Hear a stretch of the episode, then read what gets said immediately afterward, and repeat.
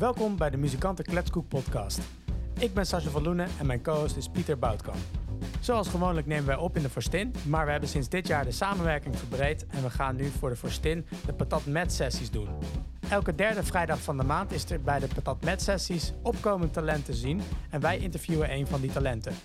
Deze week is dat Ginge. Zij is een neo-soul jazz popartiest en is met haar debuut-EP al de miljoen plays voorbij. Heb je wat aan de podcast en vind je het leuk? Dan vragen wij je om een 5 sterren rating te geven in Apple Podcasts en Spotify en in de comments uit te leggen waarom. Vergeet ook niet de Muzikanten Kletskoek Facebookgroep. Daar kun je terecht met al je vragen en is een leuke groep met gelijkgestemden. Mocht je op de hoogte willen blijven van de Muzikanten Kletskoek podcast, ga dan naar de Instagram, de Muzikanten Kletskoek podcast en volg ons daar. Zonder een verdere omhaal, veel plezier.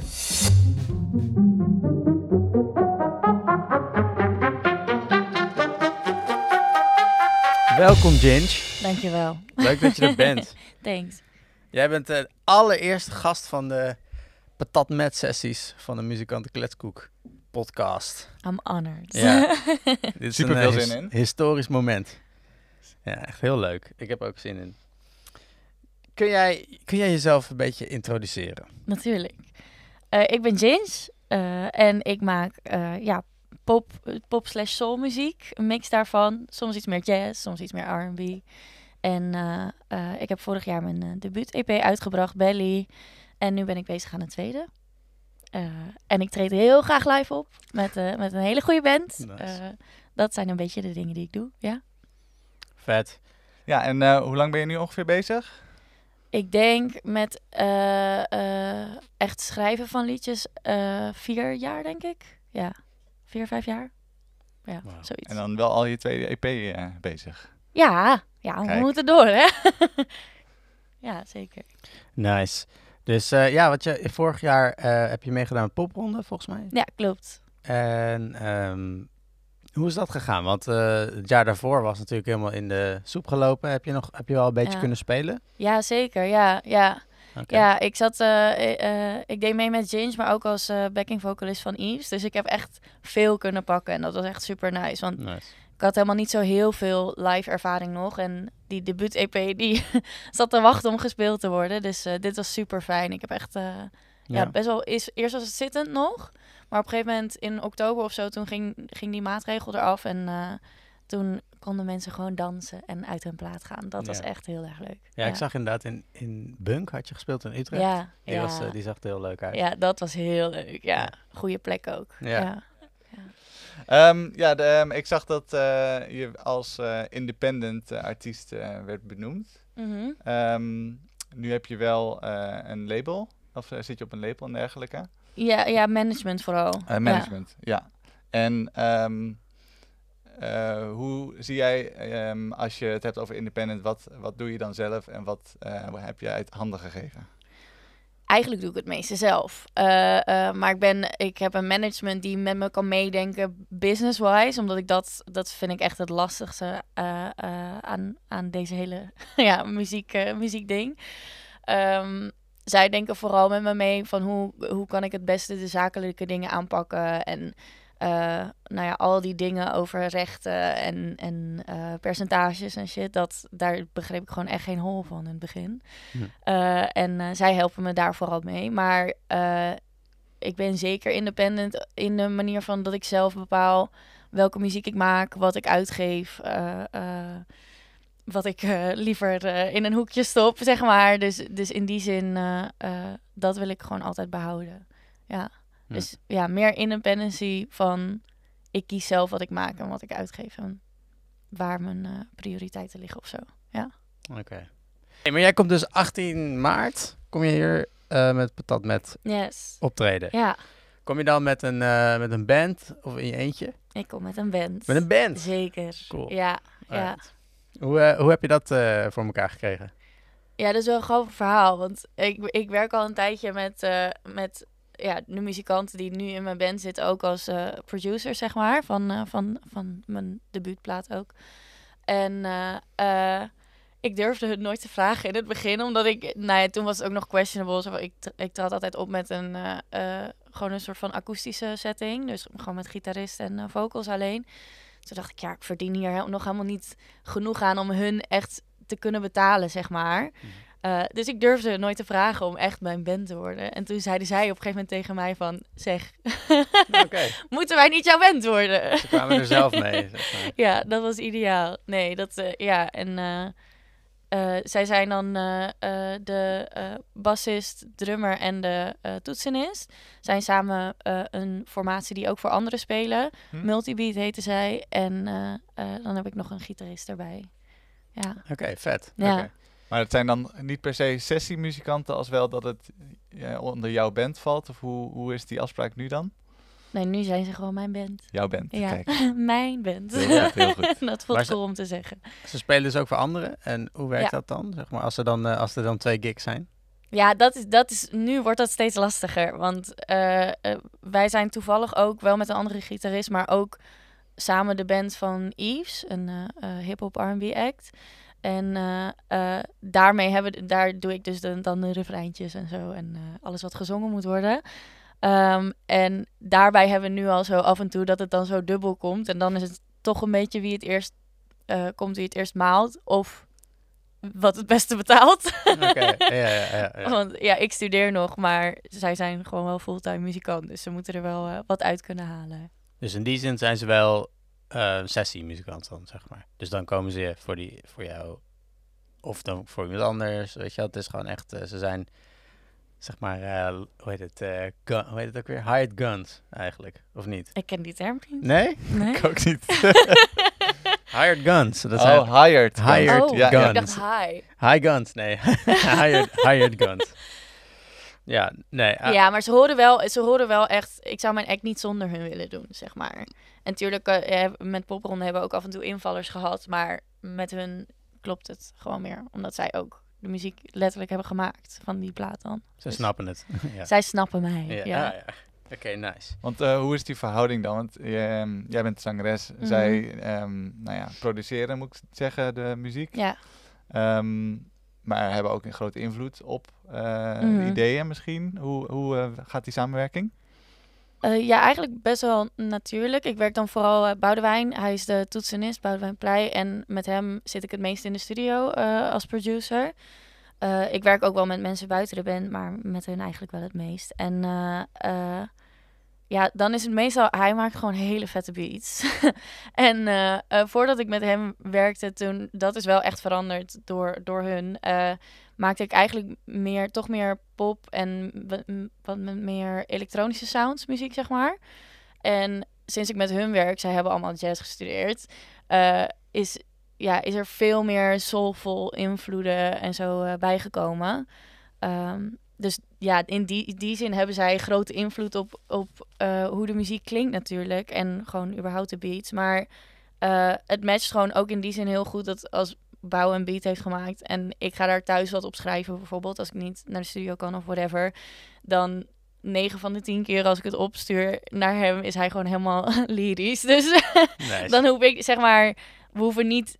Het is niet zo dat we echt compromis eh, eh, eh, moeten sluiten en zo. van, oh wacht, ja, dit is niet mijn ding. Dit is, of dit is meer jouw ding of whatever. Het klopt altijd wel. En jullie ma- dus jij, hij komt met een beat Mm. en jij gaat er, maakt er een melodie op of zo. Zo, zo werkt dat meestal? N- Nou, meestal zit ik wel gewoon daar in de studio en beginnen we gewoon from scratch. En dan, maar voor de plaats van vorig jaar hebben we ook gewoon vaak vanwege corona toch niet in de studio gezeten. Eh, en dan stuurde hij, eh, had hij een mapje op de, op de drive staan. En dan ging ik gewoon eh, in eh GarageBand gewoon daar wat, wat in, in zingen. Ja. vet. Ja. Maar wat doe je liever? Doe je liever zeg maar van scratch gewoon in de studio? Of is het dan ook dat, echt, dat je echt gewoon bij nul begint en gewoon akkoorden, pakt een paar akkoorden op de piano? Hoe werkt dat? Ja, het, meestal is het wel echt, eh, eh, echt vanaf nul gewoon. En dan, eh, of, of we hebben een inspiratie of een nummer wat we luisteren wat tof is of zo. En dan kijken we, oh ja, wat, wat vinden we hier dan tof aan en wat willen we daaruit meenemen in een eigen track of, of, of wat nemen we als start daar, van daaruit. Ehm, maar ik moet zeggen dat ik het ook wel, ik, ik heb toch de meeste vrijheid als ik in mijn eentje ben om te schrijven en fouten te maken en zo. Dus ik merk dat ik dan thuis, als ik echt gewoon iets ga schrijven op een beat die er al is, of op akkoorden of whatever, dat ik dan toch iets meer de, de vrijheid neem ook om met iets crea creatievere melodieën te komen, heb ik het idee. Maar ik probeer, ja, bij bouw voel ik me al 100% op mijn gemak, dus daar kan dat prima. Maar merk in andere sessies soms wel dat, oh ja, dat ik dan thuis net iets vrijer daarin ben. Oké, dus, eh, dus dan heb je een, eh, een beetje een basic ding gemaakt en dan neem je het mee naar huis. En dan ga je er nog verder, eh, verder op en dan... eh, heb je dan, eh, schrijven jullie in één keer een heel nummer? Of schrijf je vaak dan ehm, eerst coupletjes, eerst refreintjes? Hoe werkt dat? Ehm, ja, Of, of komt dat ook gewoon een beetje aanwaaien? Nou, meestal, ik, heb, ik vind het sowieso fijn als ik na één sessie van een nummer sowieso al, eh, weet ik veel, intro, eh, eerste verse en een hook heb. Want anders, anders dan is het te leeg naar mijn idee of zo. Ja. Of dan heb ik niet het idee dat we iets productiefs hebben gemaakt. maar ja, ik zeg maar, als het werkt, als het goed eh float en oh, ja, hoe noem je dat? Als het gewoon goed gaat, dan heb ik het liefst wel gewoon een nummer in één dag natuurlijk. Maar Ja. ja, ja dan, dan daar moet wel de inspiratie en de gelegenheid voor zijn, zeg maar. Nice. En soms, ja, soms weet ik al waar ik het over wil hebben of zo in een nummer. En dan rolt het er wel uit. En soms is het meer zo van, oh ja, ik vind het tof klinken. Waar zal ik over schrijven? En dan is het nog iets meer een vraagteken. En zit jij vaak, als je dan een nummer begint, begin je dan vaak met een onderwerp of met een gevoel?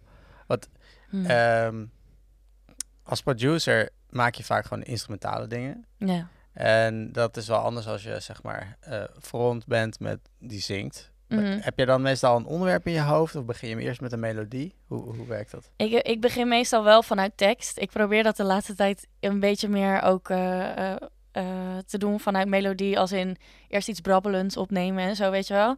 Beetje gibberish zingen. Maar ik merk toch dat, dat ik heel veel waarde hecht aan het verhaal. En dat dat dus automatisch gewoon eerder komt. Niet dat dat los van elkaar hoeft te staan, maar...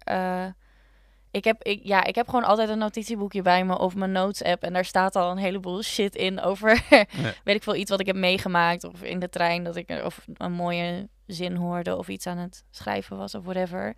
En dat neem ik dan mee. En dan vaak gebeurt het ook wel dat ik denk zo van, oh ja, ik ga vanuit deze notitie werken. Maar uiteindelijk gebruik ik die helemaal niet of zo, omdat ik verder op ben gaan schrijven.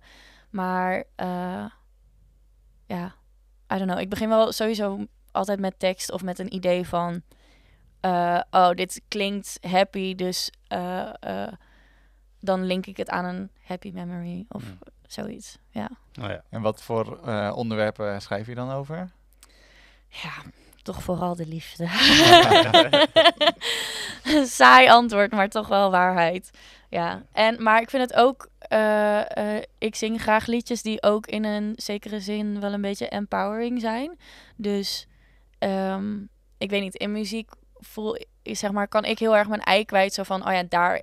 eh, vroeger zat ik veel in een theater, merkte ik ook dat ik daar de plek had. Zo van, oh, nu kan ik spelen dat ik super boos ben. En in, in het echt ben ik heel slecht in boos zijn of ruzies. Maar dan kon ik het daar wel in kwijt of zo. Ehm, en dat heb ik bij muziek ook. Dat ik denk van, oh ja, eh, als ik op het podium sta of aan het zingen ben, dan kan ik gewoon fully confident zijn. Waar ik normaal misschien ook een beetje onzeker zou zijn of verlegen. eh, eh, kan ik daarin gewoon helemaal uitpakken. En dat vind ik wel heel fijn in tekst ook. Om gewoon een beetje aan te zetten op, eh, ja, die, die, die confidence boost of zo. Ik schrijf ook wel veel over, ja, womanhood, vrouw zijn. Hoe zeg je dat in het Nederlands? Maar, dus dat, dat komt vaak wel samen of zo, die drie. Dus hoe sta ik in de liefde? eh, of hoe stel ik me op tegenover iemand anders? Eh, plus daarin dus confident in jezelf zijn. En vrouw, soms. Oké, nou dat zijn al drie, eh, drie in- interessante onderwerpen waar je veel over kan zeggen. Mhm, mhm. Nice. Hey, en je had het net al over management. Hoe, hoe ben jij bij dat management gekomen? Hoe zijn zij bij jou gekomen? Ja, dat is wel een grappig verhaal. Ehm, eh, eh, ze heette Gillionaires. En eh, ik werd eigenlijk door Robbelen en Gillian dan van Gillionaires het meest geholpen. En Robbelen is een oud klasgenoot van mij. Ehm, en die, we hadden op school helemaal geen... we komen uit Leeuwarden allebei. En op school hadden we helemaal niet zo contact. Maar op een gegeven moment toen ik al in Utrecht ook woonde, toen ben ik wat koffertjes online gaan zetten. En toen was Rob ineens zo, hey, mag ik dit misschien doorsturen naar Gillian? En toen was ik nog helemaal, zeg maar, ik vond het leuk om te zingen, maar ik was daar niet zo mee bezig. Ik had nog niks zelf geschreven of zo. Ehm, en toen eh, nam Gillian met mij contact op. En toen ben ik via hun eigenlijk eh, geconnect aan de producer van mijn eerste eh, paar singles. En zo een beetje verder gaan werken. En in eerste instantie waren zij gewoon een soort van helpende hand. En zij dachten waarschijnlijk ook zo van... oké, maar ze heeft nog niks geschreven... dus we moeten wel even kijken wat het wordt of zo. Ehm, en toen na een jaar of twee of zo... zijn ze echt mijn management geworden. Ja. Oké, dus hebben jullie, hebben eerst een beetje zo'n eh, feel-out periode gehad. Ja, maar ook gewoon... eh, ze, zij waren ook gewoon zo van... oh ja, eh, ga eens met die praten... of ga eens met die een sessie doen... en gewoon een beetje aankijken. En het was niet alsof zij in het begin al zeiden van... wij gaan jouw management worden of zo. Zeg maar, het was super vrij... en het was ook gewoon echt reaching out te help of zo. Maar was je concreet op zoek naar een management of iemand die je kon helpen of niet? N- nou ja, nee, maar ook omdat ik daar dus helemaal niet oog voor had of op gefocust was. Ik was zo met andere dingen bezig en, en ik wou graag een toneelopleiding doen. En toen kwam dat, het, wa- het is wel grappig, want via een vriendin, eh Celine, eh, die ik heb ontmoet op een vooropleiding, eh, zij maakte altijd koffertjes. En toen dacht ik, hé, hey, dit is wel leuk. Eh, en toen ging ik gewoon met haar wat meer jammen. En toen kwam daar dus reactie op, onder andere dit, maar ook gewoon uit mijn eigen kring zo van, dit is echt vet. Dit is echt leuk wat je doet. Eh, en toen dacht ik, ah, misschien moet ik dit ook meer gaan doen. Maar ja, toen was ik nog helemaal niet bezig met, dit kan echt iets worden. Of hier zou ik echt goed in kunnen zijn. Dus heb ik ook mensen nodig of zo. Dat was nog helemaal niet in mijn hoofd. Dus toen zij eh, eh, als management... eh, nee, niet contact opname. Hoe zeg, hoe zeg je dat? Toen, toen zij betrokken raakte, Ja. toen was ik eerst een beetje zo van, oh, is dat niet... Ik, ik ben nog helemaal... Ja, ik ben nog helemaal niemand. Klinkt wel heel nietig, maar meer zo van... Ik, waarom zou ik dan nu gelijk het zo serieus nemen als ik nog niet eens weet of ik het kan en wil? En En wat je wil. En ja, precies, ik, wist niet eens wat voor muziek ik dan wou maken of zo. Hm. Dus ja. ja dus even figure it out. Wat ehm, was het eerste moment dat je met Jeans dacht, hé, hey, dit, eh, dit kan wel meer worden dan eh, nou, in de lokale kroeg spelen? Ehm, dat is wel een goede vraag. Eh, ik heb dat nog steeds. maar ehm, eh, eh, ik denk. eh, ik heb een lange tijd met Clarks Kent gewerkt. Zij zijn een producer duo, ook uit Utrecht. Zij zitten in hetzelfde gebouw ook als, als de band nu. En zij werkte toen in, eh in Kaitopia. Ik weet niet of jullie dat wat zegt, maar dat was zo'n vet gebouw ook. En daar, kon, daar gingen we dan altijd jammen op een vleugel die dan in de oude Tivoli-zaal stond en zo. En met hen heb ik gewoon een tijdje gewerkt en toen... Zij namen heel erg de tijd, dat was echt in het begin. En zij hadden gewoon heel erg de tijd om te denken van... Oh, we gaan het met jou gewoon ook een beetje uitzoeken. En we maken gewoon wat tofs en anders chillen we gewoon of zo. Dus die ruimte was daar helemaal naar. En toen op een gegeven moment heb ik een nummer geschreven... waarin ik zo dacht van... Oh, wow, nu heb ik echt eh, eh, goed in woorden kunnen uitleggen wat ik zelf voel of zo. Dat het voor de eerste keer echt, echt het gevoel opleverde van... Wow, ik heb echt mijn verhaal kunnen vertellen in het Engels en in, in muziek. Dat ik dacht van, wow, dit is, nu gebeurt er wel iets magisch. Eh, Ja. Dus toen dacht ik, oh, oké, ja, nu heb ik het te pakken of zo. En dat had nog helemaal niet te maken met wie luistert ernaar of zo. Maar meer een eigen gevoel van, oh, wacht, hier eh, voel ik me echt thuis in. Eh, en ik denk dat ik sindsdien gewoon er meer in heb geloofd dat ik het, dat ik, dat ik het kan of zo. Nice. En dat ik daarop eh, op, die, eh, op dat vertrouwen verder heb gebouwd. Ja. Ja. Want ehm, je zegt, je hebt, toen was je nog niet bezig met wie luistert ernaar. Ja. Nu luisteren er wel redelijk wat mensen en je hebt Ah. natuurlijk wel wat fans. Eh, heb je ook een, een klein clubje of groot clubje fans die je altijd volgen na elke gig of dan nog niet?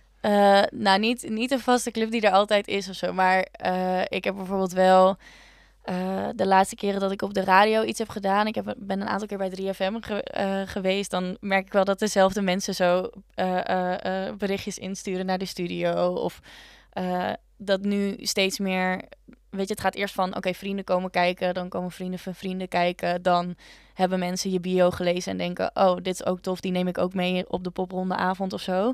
Dus je merkt wel dat het gewoon langzamerhand iets meer uitbreidt en dat je zo toch bij een nieuw publiek komt, wat niet alleen maar eh, vrienden is die het toch wel vet vinden omdat jij het bent.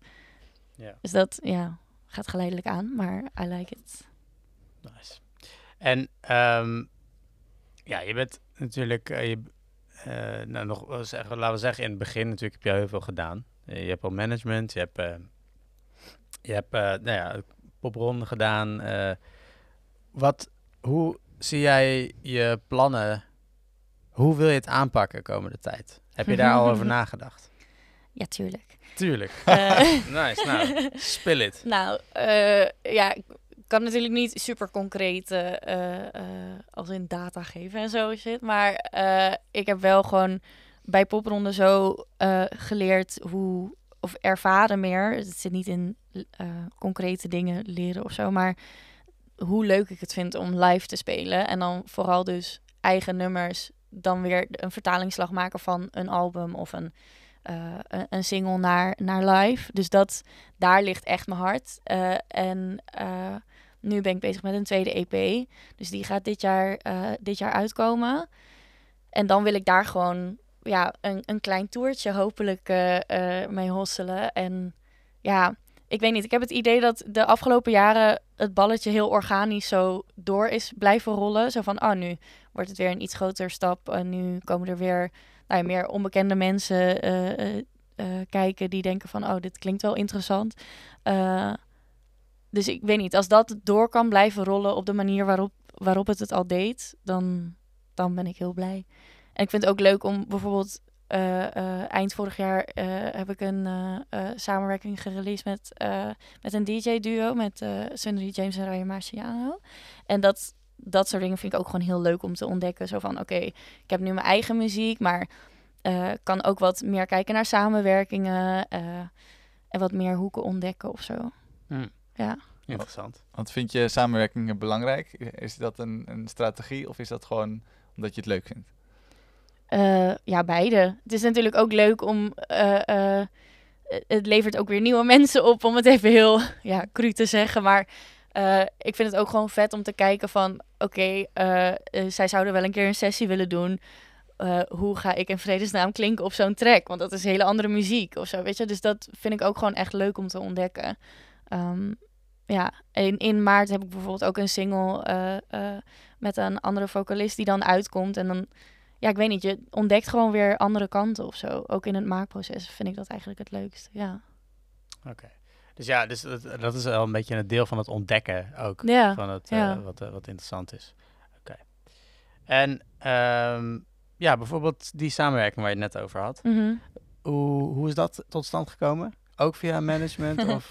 Eh, ja, ook, maar ja, het is heel grappig. Maar ik ben dus opgegroeid in Leeuwarden. En op een gegeven moment eh, heeft eh, eh, mijn management dus gek- me gekoppeld aan een producer daar. Om eens te kijken hoe dat zou werken. Die bleek dus vroeger echt zo twee deuren verderop te hebben gewoond van mij. En ja, ik weet niet, ik vind het zo geestig. Omdat ik ben dus op een gegeven moment naar Utrecht verhuisd... om vervolgens nu te ontdekken dat ik dus met een heleboel mensen uit Leeuwarden weer werk. dus dat is, heeft iets heel grappigs, omdat ik daar nog niet bezig was met muziek, toch? Maar Ja. ehm, via die producer, eh, eh, hij werkt ook met, eh met Sunny en Ryan. En toen waren zij zo van, oh, ik heb een demo gehoord, dit klinkt tof. Ehm, en ja, toen hebben we gewoon een sessie gedaan. Dus het is eigenlijk heel erg organisch gegaan. Zo, zo hebben jou van- benaderd, zeg maar. Ja, ja. Oké. En ik, ja, ik dacht gewoon, vet, sick. Ja, tuurlijk. en toen hebben we in een studiootje in Leeuwarden gezeten. Ja, Weer terug naar Leeuwarden. weer terug naar Ja. Leeuwarden, ja. Oké. Waarvoor heb je ervoor gekozen om naar Utrecht te komen? Was het studie? Of, eh, Eh, nou, dat, dat ha- had nog meer te maken met die toneelopleiding. Toen wou ik gewoon... eh, ik deed alles vanuit Leeuwarden nog. En toen dacht ik, ik, wil een keer alles op alles heb, hebben gezet... zodat ik daar niet spijt van kan krijgen van... Oh, had ik dat toen maar gedaan of zo. Dus toen ben ik naar Utrecht verhuisd om vooropleiding te doen. Die heb ik twee jaar gedaan. Toen op een gegeven moment dacht ik... Oké, dit wil toch niet zo lukken. Ik ga voor iets anders kiezen. En toen kwam muziek. Ja. Dus je woont nu, bent wel echt based Utrecht beest, zeg maar. nu. Ja, ja, ja. Nice. Utrecht Een beest, een beest uit Utrecht. Een, be- een animal. Ja. Wat, ehm, wat zijn de dingen die je nu al meeneemt vanuit je studie eh, bij eh Ginge? Vanuit mijn studie bij Ginge. Ja. Eh, je Dus bedoelt... van, van het theater. Toch? Nee, je zegt hier de muziek in. Mhm. Ehm, ja, de, het, het is natuurlijk een, ehm, eh, een kunststudie, zeg maar. En je performt. Ja. Ehm, eh, zijn er dingen die je daar geleerd hebt die je meeneemt eh, in je show, bijvoorbeeld? Maar van, van mijn theaterding? Van, Vroeger? Van, nou ja, van, Want ik doe nu weer een andere studie namelijk. laten we eerst theater dan ja, pakken. oké, oké, oké. Nee, nee, wacht. Eerst, wat doe je nu? Ik doe culturele maatschappelijke vorming. Oké. Dus dat is een, ja, het, het, het, gaat nu naar social work toe, eh, maar het is meer met de eh, creatieve inslag, zeg maar, maatschappelijk werk. Maar, eh, maar van mijn theateropleiding, ja, kijk, ik heb er natuurlijk altijd dus al van gehouden om in de spotlight te staan en op een podium te bewegen en verhalen te vertellen. En ik denk dat als ik, als ik niet thea- met theater bezig was geweest, dat ik nooit zo makkelijk in het songwriten was gerold. Want dat is echt iets eh, eh, wat toen dus werd gevraagd op een gegeven moment zo van... hé, maar kan je ook iets schrijven? En dat ik dacht, nee, dat heb ik nog nooit gedaan. Eh, en toen ging ik het maar proberen. En toen dacht ik eerst, ja, moet het dan Nederlands of Engels? En toen ging ik eerst zo- zo'n beetje...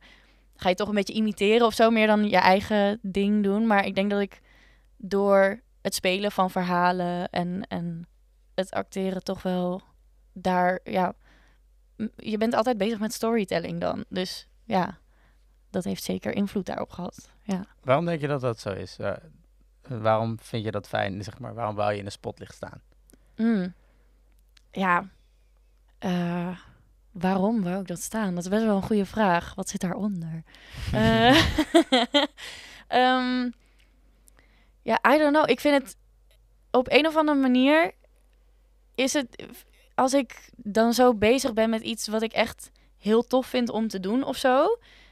En mensen daardoor geëntertained zijn of zo, dan geeft dat me toch een soort van confidence boost of zo. Of ik weet niet. Ik heb wel eens gezegd dat eh, nu met muziek dan, eh, dat ik als ik aan het zingen ben, dat ik het dichtst bij mezelf ben. Dus dat heeft nog niet eens met spotlight en publiek te maken. Ehm, maar als mensen daar dan in meegaan of zo, dan is dat natuurlijk nog vetter of zo. Dan gaan mensen heel erg aan op wat jij maakt. Ja, dat is gewoon de ultieme waardering natuurlijk. Dus je voelt jezelf. Je, bent, je voelt het dichtst bij jezelf. Ja. Ja. Het voelt heel puur of zo. Ja, Ja. zonder... Het, is niet, het voelt niet spiritueel of zo, maar... Ja, I don't know. Het, het is toch het dichtste bij mezelf wat ik kan komen, denk ik. Ja. Hey, en ehm, ik ben benieuwd. Is er iets wat afgelopen tijd is misgegaan, waar je veel van hebt geleerd? Oeh. Ehm, eh, nou ja, de afgelopen jaren was natuurlijk wat misging. is dat er niks ging. Ja. Eh, en dat er geen inspiratie was. En dat, eh, dus dat ik echt wel ben vastgelopen op waar ga ik dan nu nog in godsnaam over schrijven? Of hoe ga ik nu nog dan leren op een podium te staan als er geen podium meer is, eigenlijk? Ehm, dus dat zijn wel dingen waar ik echt wel mee heb gestruggeld. En toen op een gegeven moment, eh, ja, het was niet een bewuste keuze, maar merkte ik dus, ik, ik haal heel erg inspiratie uit uitgaan en gewoon op avontuur gaan en dingen doen, ehm, dingen ondernemen. En dat kon niet.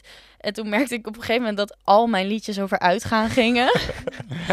Onbewust, maar dat ik gewoon zo bezig was, I guess, met weer in die sfeer komen en dat weer willen voelen of zo. Dat ik dat in liedjes ging doen.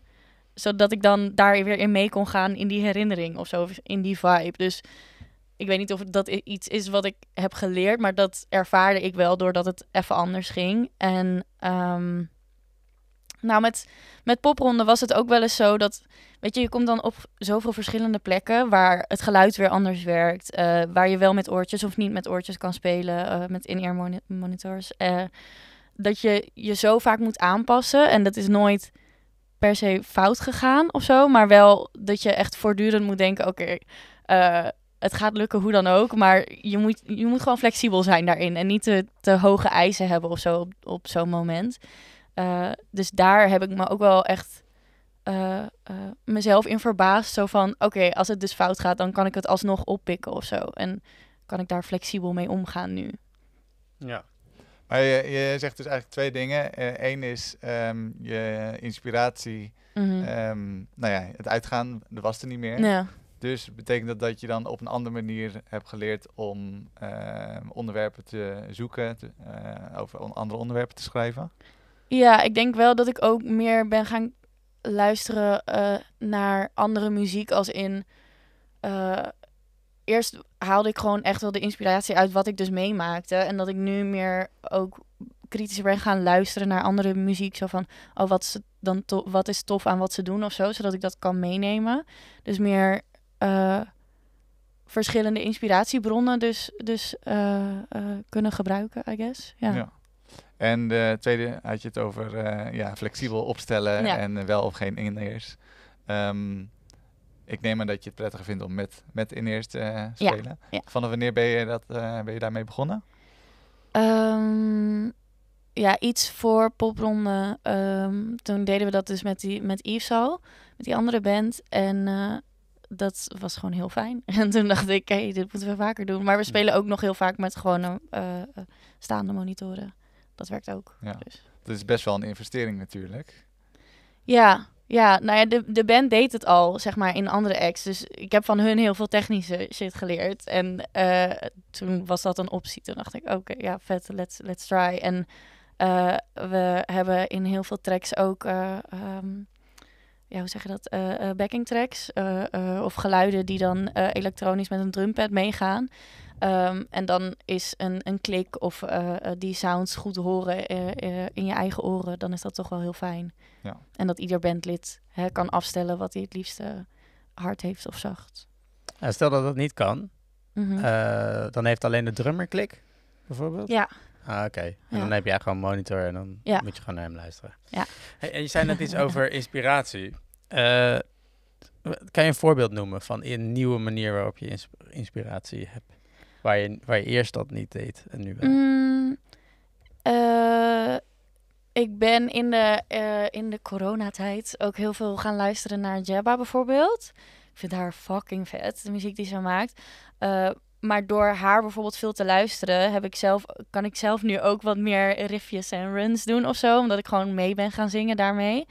Ehm, en eh som, ik heb ook wel eens iets gedaan, zoals dat ik naar de songwriting van een, van een liedje kijk en dat ik een soort van schrijf wat een reactie daarop zou kunnen zijn of zo, weet je Mm. wel. Dus, maar dat is dan heel letterlijk een soort van opdrachtje aan jezelf geven, zeg maar. Mhm. Maar eh, Hielp dat? Eh, heb je daar wat leuks uitgehaald? Heb je daar dingen uitgehaald die je in een ander liedje zou kunnen nou, gebruiken? ik merk dat ik dat vooral doe, niet per se in de zin van, oh, het lukt me niet om iets te schrijven, nu ga ik mezelf een opdracht geven.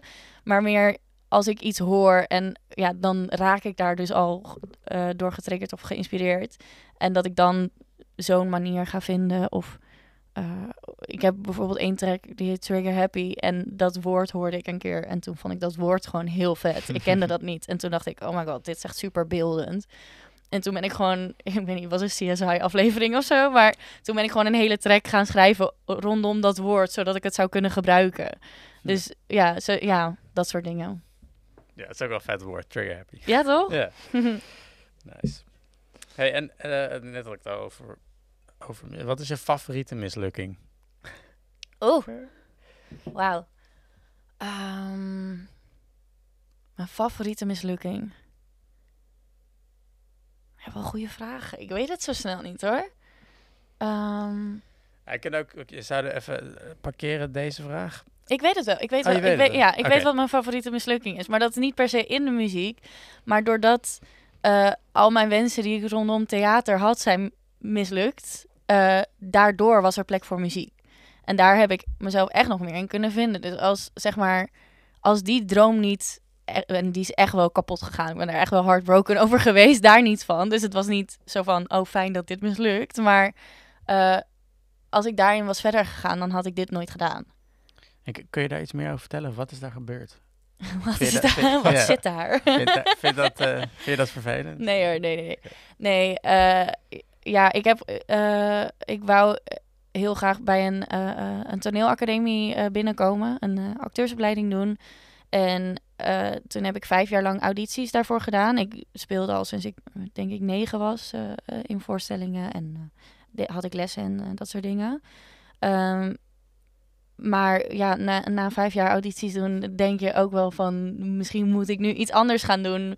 Eh, eh, plus dat je ouders natuurlijk ergens ook wel willen dat je een opleiding doet. En die zijn altijd super supportive geweest, door daar niet van. Maar op een gegeven moment ga je toch denken van... ja, misschien moet ik voor iets anders kiezen. Ehm, plus dat het elk jaar ook wel echt gewoon weer pijnlijk was. Zo van, dat je denkt van, ah, nu gaat het lukken. En dan toch niet. Ehm, dus ja, dat, dat is dat verhaal. Wauw, ja, Ja. Dus je hebt best wel veel teleurstelling meegemaakt in, de, in die zin. Dus dat je vijf je bent, en je bent echt Ja. aan het doorzetten ook geweest, zeg maar. Vijf Ja. jaar en dan elke keer Ja, rejection. ja. Ja, hoe, hoe, hoe... Ik denk je dat je dat nu helpt? Want dit gaat goed. Mm, als in die afwijzing. Ja, die afwijzingen. ja, gewoon dat gevoel, bekend zijn met dat gevoel. Ja, nou ja, liever had ik ze niet gehad natuurlijk. Maar ik denk wel dat het feit dat ik zeg maar telkens daar weer, eh, eh, daar weer van terug opkrabbelde of zo, dat ik wel daardoor heb gele- daarvan heb geleerd zo van oké, als er iets één keer niet goed gaat, dan kan het de volgende keer wel goed gaan. Of eh, misschien willen ze me hier niet, maar ergens anders wel. Of Mhm. altijd gewoon een soort van open blik houden. Maar die had ik toen dus al nodig. Dus ik weet niet of ik die per se daarvan heb geleerd. Nee, die had je al. Die- Dat, dat doorzetten had je al inderdaad. I Anders guess, had je- ja. I guess. Ja, anders blijf je het niet doen natuurlijk. Nee, precies, Ja, ja, ja. precies. En ehm, wat doe jij je eigen boekingen ook? Ja. Oké, dus dat, wat, eh, dat is heel veel mailen en heel veel nee's krijgen. Ja. Hoe, eh, hoe ga je daarmee om? Nou, ik moet zeggen dat heel veel van de gigs die we nu hebben gedaan, dat dat ook een soort van, dat, dat werd al gevraagd. Of dat eh, popronde was, was eigenlijk waar we hè, onszelf dan voor opgaven eh, en waar je dan door een selectie eh, eh, heen moet komen. Maar ik heb eigenlijk nog heel, eh, niet heel veel eh, te maken gehad met heel veel mailtjes uitsturen Oké. eh, eh, en een eigen tour regelen. En dat, dat, daar heb ik nog geen ervaring Oké, in dat, eigenlijk. dat, dat komt nog. Nou, veel nee's.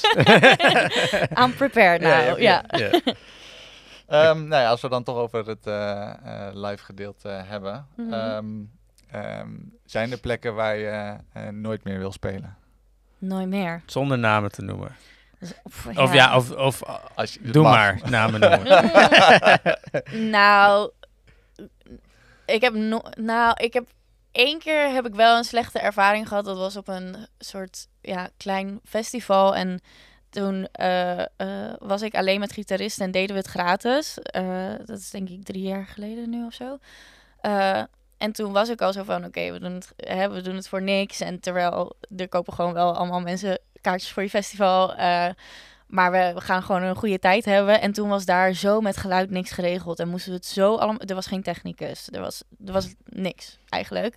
En toen dacht ik, ja, dat, dat zeg maar... Als ik, als ik het dan al gratis doe, we het gratis doen... eh, dan, dan moet dat wel gewoon goed geregeld zijn. En nu doe ik sowieso niet meer eh, zomaar gratis. Maar eh, eh, dat was wel echt dat ik dacht... Heb een beetje respect of zo. Zo van, Ja, wij ja. komen hier voor jullie en dan er is gewoon niks. Er is een glaasje water en zoek het maar uit of Niet zo. eens een krat bier. Niet eens, nee. Maar je- ja, ik denk dat we hetzelfde willen vragen. Maar Ja. je zegt ehm, eh, soms wel gratis. Mhm. Eh, wat is jouw overweging om het wel te doen? Nou, wat er dan dus wel tegenover staat, wat niet geld is of zo. Zoals? Ehm, nou, ik ben een paar keer bij de radio geweest en dat, dat, ja, dat, het- meestal heeft het toch te maken met, met promo maken of een nieuw publiek Ja. eh, eh, aanraken. Maar, stel, maar ook daar, ik, ik, ben, ik snap het helemaal. Mhm. Maar ook daar is 3FM is gewoon genoeg geld om daar wel wat Ja, te doen. ja, En eh, ik weet niet of je hebt gehoord hebt van de Fair Practice Code. ja, ja. ja. Ja. Ja. Nou, daar zijn ze de, afgelopen jaren heel veel mee bezig geweest. Mhm. En ik vind eigenlijk wel dat juist dat soort plekken waar ook gewoon echt genoeg geld is om dat te doen, Ja, ja, ja. dat ze dat ook zouden moeten doen. Ook al krijg je promo. Aha. Het is wel alleen, het, ja, het is wel een afweging, want er zijn altijd genoeg mensen die het dan wel, hè, als je 3FM op 3FM kan spelen, ook voor niks wil doen. Dus ik vind dat het ook echt uit vanuit van top-down moet komen. We gaan ze betalen. Ja, ja, ja, ja. als je het over zulke instanties hebt, sowieso. Ja. Ja. Maar ik heb natuurlijk ook wel eens eh, optredens gedaan waar bijvoorbeeld met, eh, weet ik veel, via een kennis of zo ging. Of eh, dat ik dacht van, oh, dit is ook gewoon leuk en niet veel repetitietijd voor de band of de gitarist. Ja. Nu heb ik gewoon ook meer dat ik denk, ik moet rekening houden met verschillende mensen die, die er afhankelijk van zijn, zeg maar, van eh, eh, of er budget is of niet. Dus dan, ja, ik overweeg het nu ve- veel minder snel. Maar ik heb bijvoorbeeld binnenkort een soort van eh, eh, talkshow-achtig is het eh, van songwriters. En dan eh, was de vraag van, oh ja, kan je komen kletsen, eh, in- maar ook een paar liedjes doen. En dat was dan ook zonder vergoeding. En dan denk ik, oké, ik wil best komen kletsen als ik al in de buurt ben. Maar dan kom ik niet met muzikant. Dus dat, dat is dan ja, de precies. overweging, zeg maar. Ja, want je krijgt natuurlijk een, een gaatje. Eh, ik weet niet Mhm. of je er heel diep op in wil gaan, maar hoe, Mhm. hoe, ehm, eh, ja, hoe wordt dat dan verdeeld bij jullie? Nou, tot, eh, eh, nu hebben we gewoon altijd even gesplit tussen over de hele band. En dan eerst de reiskosten eraf. En dan, eh, eh, dan gewoon gedeeld door vijf. Ja, Ja. dus het Ja. gaat niet terug de bandpot in? Nee, nee, Oké. nee. Tot, tot dusver niet. Maar er, er was tot dusver ook niet heel veel om op te sparen. Zeg maar, dan wil je gewoon de- ook dat iemand, zeg maar, voor het werk dat hij er al in stopt, gewoon iets krijgt. Eh, eh. Plus dat, zeg maar, we, zeg maar, ik maak de muziek van Gin, zeg maar, of ik ben Ginge en zij, zijn- oh, zij zijn mijn band. Mhm. Eh, maar wij zijn niet de band, Gin, zeg maar. eh, Ja, dat het zou ergens ook oneerlijk zijn om dat terug te stoppen in een soort wat dan toch een soort van als eh, eh, mijn deel voelt of zo, omdat ik dan spaar voor mezelf en niet per se voor hun of zo. Ja. Als je begrijpt. Nee, wat zeker. ik zeker. bedoel. Dat klinkt heel logisch hoor. Maar ik Ja. was gewoon eh, benieuwd. Uh-huh. Eh, dus het deel wat jij eh, verdient, ehm, gaat eerst de reiskosten af. En eh, daarna is er wel een soort van bandpot. Hoe, eh, hoe, ga- hoe ga je met geld om überhaupt voor Ginge? Ehm, nou ja, er, er is gewoon niet zo heel veel. Dus er is ook niet heel veel om mee om te gaan of zo. Eh, eh, ja, ik probeer wel een beetje te, eh, terug te investeren. Of dat eh, als ik er dan zelf iets aan verdien, dat ik ook op momenten kan zeggen: Oké, nu investeer ik dit er zelf in of zo. Maar, ja, kijk, het verschil is met jou en een normale band. Dus waarom we aan het begin ook- normale een normale band. ja. Hoe een band normaal tot stand komt, is vaak gewoon een groep vrienden. Of, Ja. die op een of andere manier. En dat gaan ze samen spelen. Of inderdaad eh, op een opleiding. Tegenwoordig is dat heel Mhm. veel. eh nou, afgelopen tien jaar al wel. Ehm, zoals bijvoorbeeld de Herman Brood of eh, ja, Mhm. Amst- Amsterdam pop, pop, van die popopleidingen. Maar dan is, het- is het wel echt vaak gewoon, oké, we doen met z'n vieren. Dit is ons enige project of zo. Of Ja. met z'n vijf of whatever, hoeveel het er ook zijn. En dan gaat al het geld dat ze binnenkomen, gaat dan niet, wordt niet gesplit. Omdat je, wat je zei, omdat ze er niet per se afhankelijk van zijn op dat Mhm. moment. Maar ehm, ja, voor jou is het zo dat je, je, gaat, je, je gaat meteen met hele ervaren, zoals jij, eh, zeg maar, zoals jij nu vertelt. Dat Mhm. zijn hele ervaren. Je, je, je, je koopt ook een beetje de ervaring die, je, Mhm. die, die je als normale band nog moet gaan opbouwen, zeg maar. ja. Die eh, haast, weet je wel. Je, je, je Aha. stapt een beetje in bij wat iemand, die jongens waar je het over had. En Aha. die producers. En, en eh, hoe, ehm, hoe zit jij... Zou jij het... Vind, heb jij het idee van, nou, ik zou toch wel eens echt zo als op een bandmanier willen proberen? Of vind jij, ik ben echt Ginge en eh, Mm, ik ben wel echt Ginge. echt Ginge en nee, liever... eh, zo. ja, nee, ik, ik werk ook gewoon veel met andere producers en zo. Dus ik zeg maar, en dat vind ik ook leuk om gewoon. eh, ik werk nu dan veel ook in Leeuwarden met, met een duo dat heet eh, Lake Woezoe. Eh, en eh, dan vind ik het ook tof om met hun gewoon muziek te maken en dan vervolgens met de band een vertaalslag te maken. Maar dan is die muziek niet per se door hun gemaakt op de single, zeg maar. Hm. Dus dat vind ik ook een leuke wisselwerking. Ehm, ja, plus dat ik het ook ergens fijn vind dat ik nu de keuzes over mijn muziek kan maken. En dat ik niet eh, eh, daarin dus relatief weinig rekening hoef te houden met mensen die het daar oneens mee kunnen zijn, zeg maar. Eh, dat vind ik gewoon heel fijn werken. Dus dat ik ja, daar wel een soort van solo in sta eigenlijk. Ja. Ja. Het, de andere kant van het verhaal, daar heb je gelijk. Wat je nu zegt, de, de, de vrijheid. De andere kant van het Mhm. verhaal is, je hebt wel andere mensen waar je op kan leunen. Ja, het lijkt me super leuk. Daar niet van. Want ik vind het sowieso nu met de band ook fucking gezellig. En eh, eh, ook als ik met hun in de studio zit, dat werkt. Dat, nou ja, zoals ik vertelde, dat het werkt gewoon super goed. maar eh, eh, ik heb ook omdat ik nu nog een studie doe en zo, is het gewoon voor mij en de flexibiliteit die ik heb of zo fijn dat ik dat zelf kan inrichten en dat er niet eh, ook weer mensen eh, van mij afhankelijk zijn, zeg maar, in die zin. Dat ik gewoon zelf kan kiezen, oké, dan doe ik een sessie en dan niet. En dat we niet met z'n allen hoeven te denken, oké, eh, we moeten met, z'n- met z'n vijven de hele tijd afstemmen op datumprikkers of whatever. Ja. Ja, dus eh, zeg maar, het lijkt me fucking gezellig om wel echt een hele plaat met een hele band te maken, zeg maar.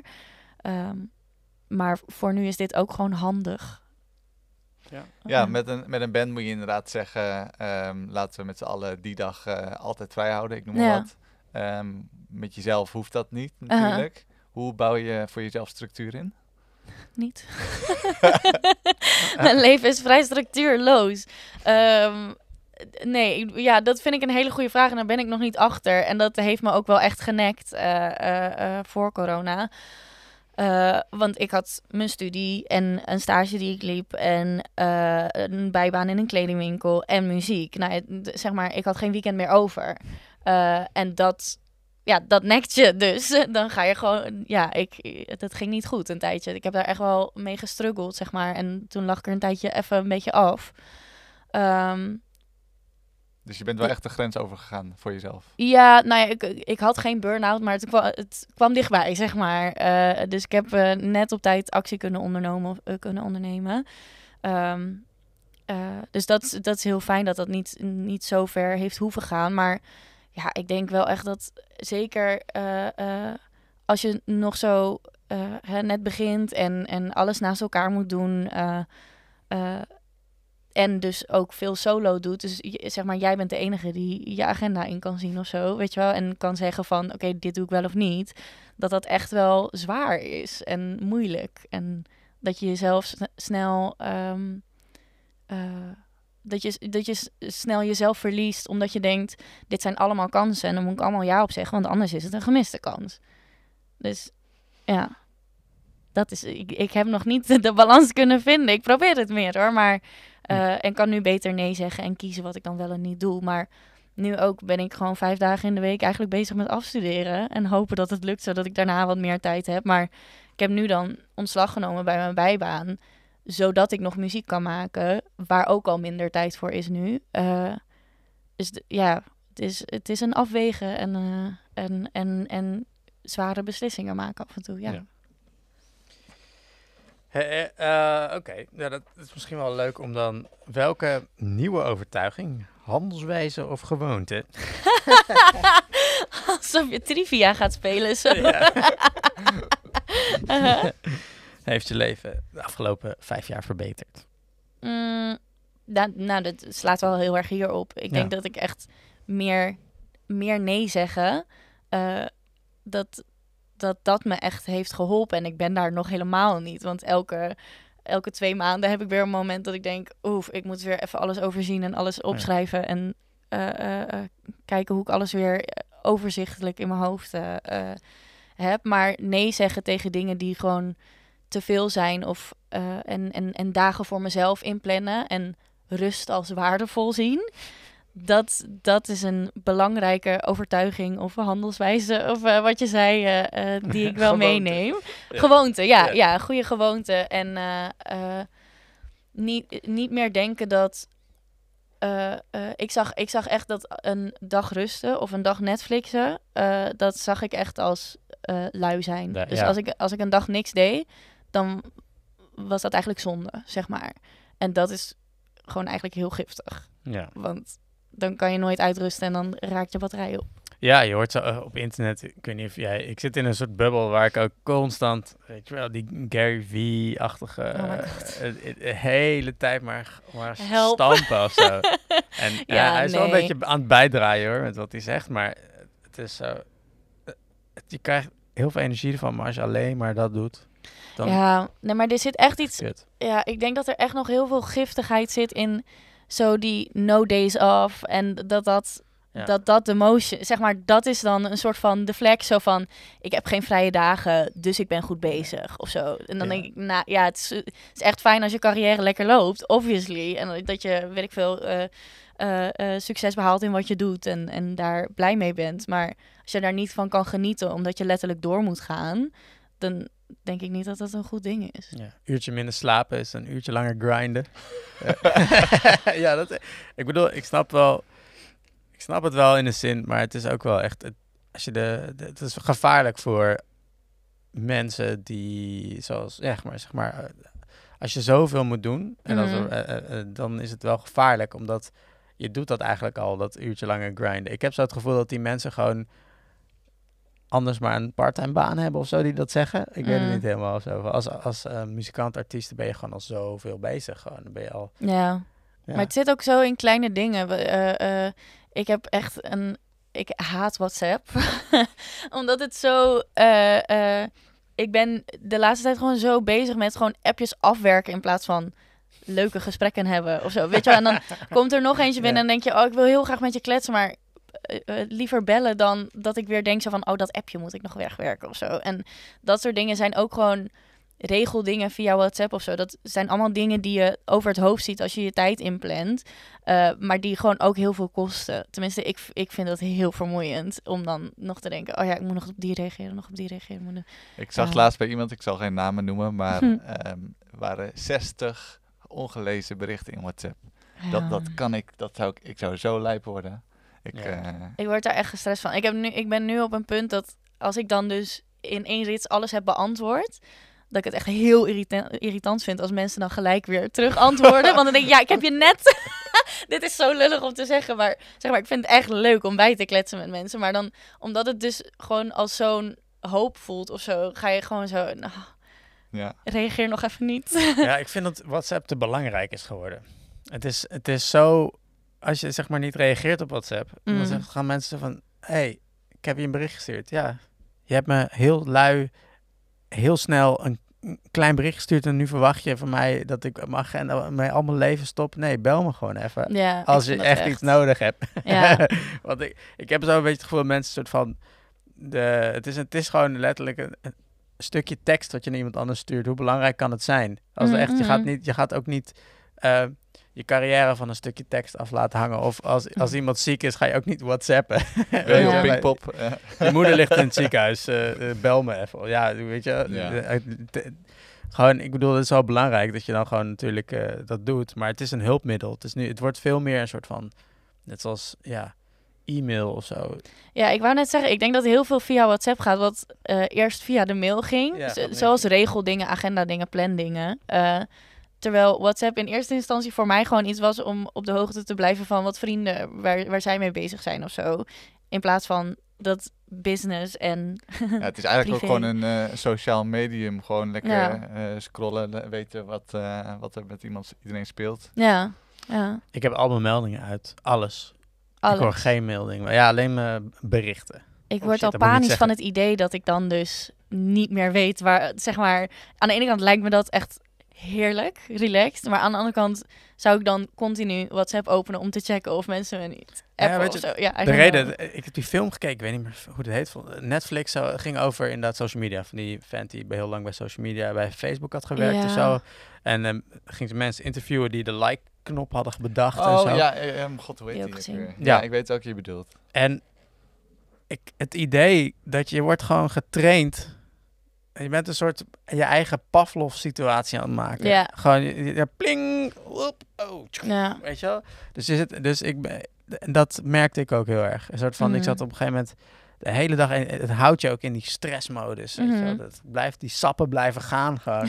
en dan, dan nog een keer een plingetje. En dan vind je het ook jammer als je geen plingetjes hebt. Dus ik heb gewoon al die plingetjes uitgezet. Alleen mijn berichten, mijn sms-berichten niet. Mm. En eh, dat weten ook maar een paar mensen. Dus eigenlijk wil ik dit niet zeggen. Shit, daar ga Ja. je. En dan kan ik dan zelf gewoon een momentje nemen om de WhatsApp eh, te doen. En, Ja. eh, ja, ik denk dat er... eh let's, let's, de anti-WhatsApp belangrijkheid movement.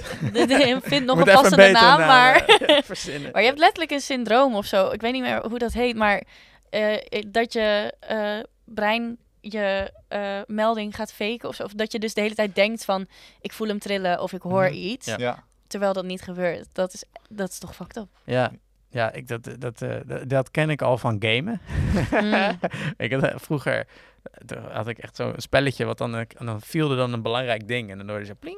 En dan, Uh-huh. dan zat ik in de klas en hoorde ik in één keer pling. Serieus? What the fuck? Oh my ja, god. dus eh, dat is echt wel, oh my god, dat, dat is echt een ding hoor. Dat is echt, eh, als, je dat, als je daar, ik denk dat echt dat het je he- hersenen kaapt gewoon. Ik vind het heel belangrijk dat, ja, dat, dat, ik vind het belangrijk dat ik dat niet heb meer. ja, Dus ik, snap eh, ik. heb het Ja. Nee, je moet het gewoon voor jezelf eh, bedenken hoe, eh, hoe, hoe ga je ermee om. Ja, Ja. en dan nu hopen dat mensen het snappen, want ja, ik reageer niet meer zo snel. ja. nou, dat gebeurt wel. Ja, Ah, ja, sowieso goed. Maar ehm, ja, noem iets ongebruikelijks waar je helemaal gek, ben- me- gek van bent. Iets, iets absurds. Goed gek van. Ja. Ehm Toffifee. Ja, maar die snap Dat is wel. niet echt ongebruikelijk, toch? nee, eh, Tenzij, iets eh, geks waar ik weg een- van ben. Een zak per dag. eh, nou ja, nee, maar als ik, als ik zo'n doos koop, dan is die wel binnen een half uur leeg. Ja. Maar... Er zit iets eh, aan dat pulken, hè? Zodat het eruit... Ja, ik weet niet. Het voelt als een adventkalender Ja. of zo. Eh, maar iets anders ongebruikelijks. Ehm, ehm, jeetje, een soort van gewoonte of zo. Of iets, Ja, iets weirds. Ehm, ja, ik vind niet zoveel dingen ongebruikelijk. Oké. Wat, Maar wat vind jij, iets, eh, weet je wel, iets wat andere mensen wel ongebruikelijk vinden? ehm, ehm, jeetje. Dat je je huisgenoot of je vriend of zo, of je, of je moeder dat echt helemaal niet leuk vindt. Iets wat je doet. Aha. oh shit. echt moeilijk. Eh, ja. Nee, heb je zelf iets? Een voorbeeld? Wat, Ja. wat doen jullie wat ongebruikelijk is? Nou, ehm, ik maak dus kennelijk, dat doe ik, vind ik eens heel, dat doe ik onbewust, maar ik maak dus altijd een soort van, als ik ergens zit, ga ik altijd helemaal een holletje maken, zo. Met allemaal dingen om me heen die ik allemaal doe. En dan, ja, het- zeg maar een soort, een soort, ehm, een soort klein workstation. Gewoon, weet je wel, met allemaal shit om me heen. En dat heb Uh-huh. ik helemaal niet door. En dan komt mijn vriendin binnen en zegt, hè, je hebt er helemaal een hol van gemaakt hier. zeg maar. Een En zo- mini-man Ja, een mini-man cave, ja. Dat is wel iets wat ik doe. Ja, ik heb altijd dat als ik bijvoorbeeld, eh, bijvoorbeeld nu naar het raam kijk en het gebouw, dat ik die dan zeg maar zo over elkaar wil leggen, zeg maar. Dat ik zo precies... Dat is sick. Ja. Ja, ik weet niet, dat is gewoon lekker. Dan, dan is het één lijn zo. Ik- Ja, dat snap ik wel. Oh ja. Weet je, Dat dat, is wel. satisfying. Jij kijkt ook vaak van die satisfying video's, zeker. Ik zoek ze niet op, maar als ze voorbij komen, dan Ja. is het zit wel in je bubbel. Van die ja. zandshit en zo. En van die klei. En ja, dat vind ik ook wel chill. en dat dan al die dingen zo mooi, zo, oh, recht zo. En dan eentje net niet zo. Auw. Ja. ja. ja, ik heb wel zo, ik heb zo'n, eh, ik weet niet of ik hem nu in mijn zak heb, maar ik vind het dus heel chill als ik loop en ik hou wel, ik, ik doe echt vaak wandelingetjes door de stad en zo. Eh, dan vind ik het fijn om iets in mijn hand te hebben. Eh, maar eerst zat ik dan gewoon de hele tijd zo met mijn vinger zo in, een- in een specifieke sleutelhanger, zo mijn duim daarin te werken. Maar nu heb ik dus zo'n, ja, volgens mij heet het een fidget cube. Oh, heb je die? Oh my god, Zo'n, dat vind ik waarin chill. allemaal verschillende knopjes zitten. En dan loop ik dus echt veel eh, meer ontspannen of zo. Als ik iets met mijn hand kan doen of zo. Anders word ik heel snel, Ik ga ook een halen. nou Fuck niet onzeker, maar een soort van onrustig of zo. Terwijl ik heb dat gewoon in mijn zak. En dan denk ik, mensen zouden me hier moeten zien met mijn handje zo. maar ja, I Maar het is ook ook gewoon lekker. Gewoon Ja. lekker een beetje pielen. Ja. Ja. Ja, nee, maar ik heb dat, ik, dat begrijp ik wel. Ik heb dat ook. Ik heb altijd, moet altijd iets, zo, het helpt nadenken of zo. Op een of andere manier voor mij. Ja, de- ja, ik weet niet. Iets, iets, iets zintuigelijks doen of zo vind ik fijn om de Ja. focus ergens op te houden. Ja, er, er is, er is ook een theorie dat je inderdaad je brein, ehm, a- als je zeg maar ruimte hebt om over dingen na te denken, Mhm. dan, dan ga je gedachten alle kanten op. Maar als je zeg maar Ja. bezig bent, dan vult het een deel van je hersenen. Ik weet niet of ik ja. het heel goed uitleg hoor, maar Uh-huh. ehm, waardoor je dus eh, ja, wat, wat gefocuster met iets bezig kan zijn. Ja, dat is ook met kauwgom kauwen, toch? Ja, ja. Ja. altijd, je moet tijdens toetsen kauwgom kauwen. Omdat je dan meer gefocust zou zijn. Ja. Ja. Hey, eh, welk advies heb jij wel eens gehad? En welk advies... Nee, wacht even. Dan laat ik die voor even overnieuw. Welk advies zou jij negeren? Je komt er wel. Oké. dat vind ik, dat is, dat is eigenlijk niet eens advies. Nee, die heb Maar- ik ook wel vaak geno- genoeg gehad. Dat is echt heel kut om te krijgen. Ik vind dat Ja. zo. Hè, vijf jaar lang audities doen en dat mensen blijven zeggen, je komt er wel. Dan denk ik, ja, goddamn. Ja. Eh of, en ik vind het ook heel kut, er zijn meerdere wegen naar Rome. Want eh, ik, ik snap hem en het is zo. Maar wie laat me zien waar die wegen zijn dan? Of zeg maar, wat kan ik daarmee? Ik weet niet welke weg ik dan nu wel moet inslaan of zo. Dat advies kan je alleen maar geven als iemand net begonnen is aan een andere route richting dienstdoel of zo. Maar Hm. niet als iemand de weg kwijt is. Ja, het is een beetje een... ehm het kan me overkomen als... Ja, ik weet ook niet wat... eh, Weet je, ik weet niet echt van nu wat ik aan je wil vertellen, maar ik wil je ook wel iets meegeven. En eh, ja, Het dan is dat. allebei gewoon een beetje non-advies. Dat je Ja. zo een soort van schouderklopje, maar dan een soort van, eh, ja, ik weet niet. En je komt er wel, vind ik echt zure, zure praat. Ja, ja, die zit diep, hè? Die heb je vaak. Ja, maar gewoon omdat je zeg maar, dit, je weet het niet. Zo, zo- hoe kan je dat zeggen? Zo van, je kan, je kan zeggen, maar ik, ik geloof in jou en ik zie wat je doet en ik- dat is zo tof. Dus er moet daar op een gegeven moment toch wel iets voor zijn of zo. Maar je komt er wel, dat is echt een soort van, het is, het is niet waardering, het is, het is, het is geen advies. Het is, het is niks. En wat zou je dan wel, wat zou je in- plaats van dat zo eh, willen, willen, waar heb je wat aan? Eh, als iemand echt meedenkt, wanneer je advies wil, hè? Eh, eh, Niet ongevraagd. Nee, maar, nee, maar ik bedoel, soms wil je ook gewoon dat iemand zegt... Fuck, kut man. Of, snap je? Ah, en niet gelijk ja. dat iemand zegt... Heb je al dit geprobeerd? Eh, maar eh, ja, dat, dat iemand meedenkt. Dat, dat, dat vind ik fijn. Ja. Dus dat als je zelf lost bent in... Weet ik veel, een keuze of, of dat iets fout is gegaan... Dat, dat, eh, dat iemand zich verplaatst in Ja. jou. Dus gewoon meer empathisch. Nice. Ehm, en nog eentje. Ehm, wat is de meest lonende investering die je hebt gemaakt? Het hoeft niet per se Eh. geld te zijn hoor. Maar Nee, ik wou net zeggen, ik denk dat dat investeren in, in tijd is. Eh, eh, en dat, is, eh, dat zijn toch wel de, het eerste jaar dat ik met muziek ben begonnen. En dat is ook een investering van angst. nou, angst weet ik niet, maar een investering van durf of lef hebben en tijd. Want ik, wist helemaal niet of ik dat zou kunnen, muziek. En of ik daar genoeg voor wist. En of het op iets uit zou draaien. Eh, maar dat ik dat ben blijven doen. En dat ik, weet je, de eerste sessies die ik had, dat ik met een producer ging zitten. En dat ik dacht, nou, ik, weet, ik weet niet wanneer er een liedje af moet zijn, hoeveel ik in een sessie moet doen. Ehm, ik ga nu iets hardop zingen, maar dat vind ik fucking eng. En straks denkt iemand, wat de fuck ben je aan het doen? Dit is geen muziek.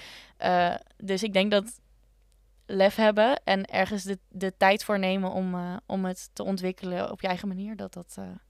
Mijn beste investeringen zijn. En doorzettingsvermogen ook. Ja. Ik lijk wel een guru zo Ja, ondertussen.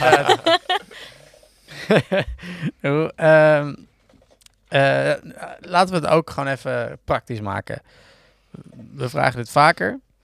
Eh, je hebt 100 euro.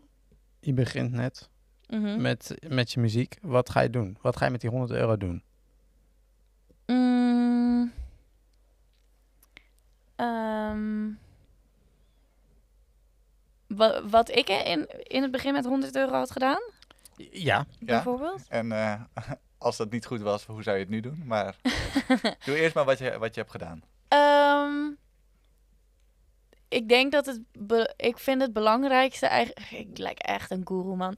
Maar ik vind het belangrijkste dus in, in hoe ik dan muziek maak. Dat ik comfortabel ben en dat ik het op mijn eigen manier doe. En dan bedoel ik niet koop een lekker huispak, maar dan bedoel ik meer. eh, eh, ik vind het bijvoorbeeld heel fijn. Ik eh, schrijf het liefste liedjes nog wel met de hand, dus liever niet in mijn mobiel. En wat ik dus altijd doe als ik weer een boekje vol heb geschreven, is dat ik, ik heb altijd, ik heb eentje met een roze vachtje en eentje met allemaal glitters. En dus gewoon, ik bedoel, het is allemaal gewoon HEMA shit, maar ik vind het heel fijn om dan dus iets te hebben wat ik echt leuk vind om naar te kijken, zodat ik, het is eigenlijk een beetje enthousiasmeren van jezelf, I guess. En iets speciaal maken. Dus ergens een beetje oog voor hebben.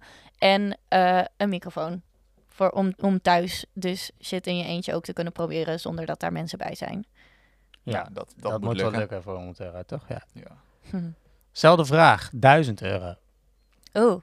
ehm,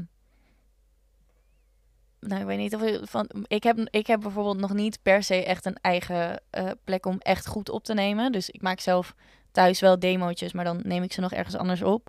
Maar op een gegeven moment zou ik het wel fijn vinden om daar een ruimte voor eh, thuis te hebben of ergens anders. Eh, maar ja, dan wordt het al snel een bedrag per maand natuurlijk. Ja, dat is, dat is niet genoeg voor 1000 euro. Nee, maar ik denk dan toch thuis wat, wat, nog wat gemakkelijker inrichten. Of eh, een goede shoot of clip of zo. Waarmee je, je- waarmee je een goed beeld neerzet. Dus misschien investeren in branding. Branding, 1000 euro. Ja, ja, ja. Oké. Ja. Nou, dan komt die. 10.000. Hey. Ja. nou, dan misschien dus die studio. Of Ja. de thuisstudio dan. Hè? Dan hoef je niet extra huur te doen. Ik heb geen idee, dat weet jij vast wel eh, wat, in de basis hoeveel je daarin kwijt bent. Nou, ja, dat kan je zo gek maken als je wil Ja. natuurlijk. Het ligt een beetje aan hoe, hoeveel je moet isoleren. ja, precies. Ja. Ja. Dus ja, dat kan. eh, en dan nog, ja. Ik, alsnog, alsnog kun je, eh, merk ik wel vaak dat je het beste is gewoon een, ergens een, eh, een ruimte mi- midden in the middle of nowhere of zo. Weet je. En dan eh, gewoon dat een beetje. Maar eh, eh, inderdaad, met 10.000 euro kun je best wel lang gewoon, weet ik veel, anti-kraak een, een, een plek ha- Mhm, mhm. Dat ga je, dan ga je wel jaren kunnen volhouden dan. ja. Dus eh, dat is wel een goede. Alright, nice, nice. Hey, eh, ik weet niet, hè. z- Zitten we, ik zit alweer wel weer een beetje bij. ehm, heb je nog een, eh, een hit in, in, je, in gedachten? Heb je nog een hit? ja, nee. Heb je een nummer van je, wa- wat, je, wat nog niet zo bekend is of wat jij vindt dat iedereen moet horen? En dan niet van jezelf, maar van iemand, gewoon een, een artiest.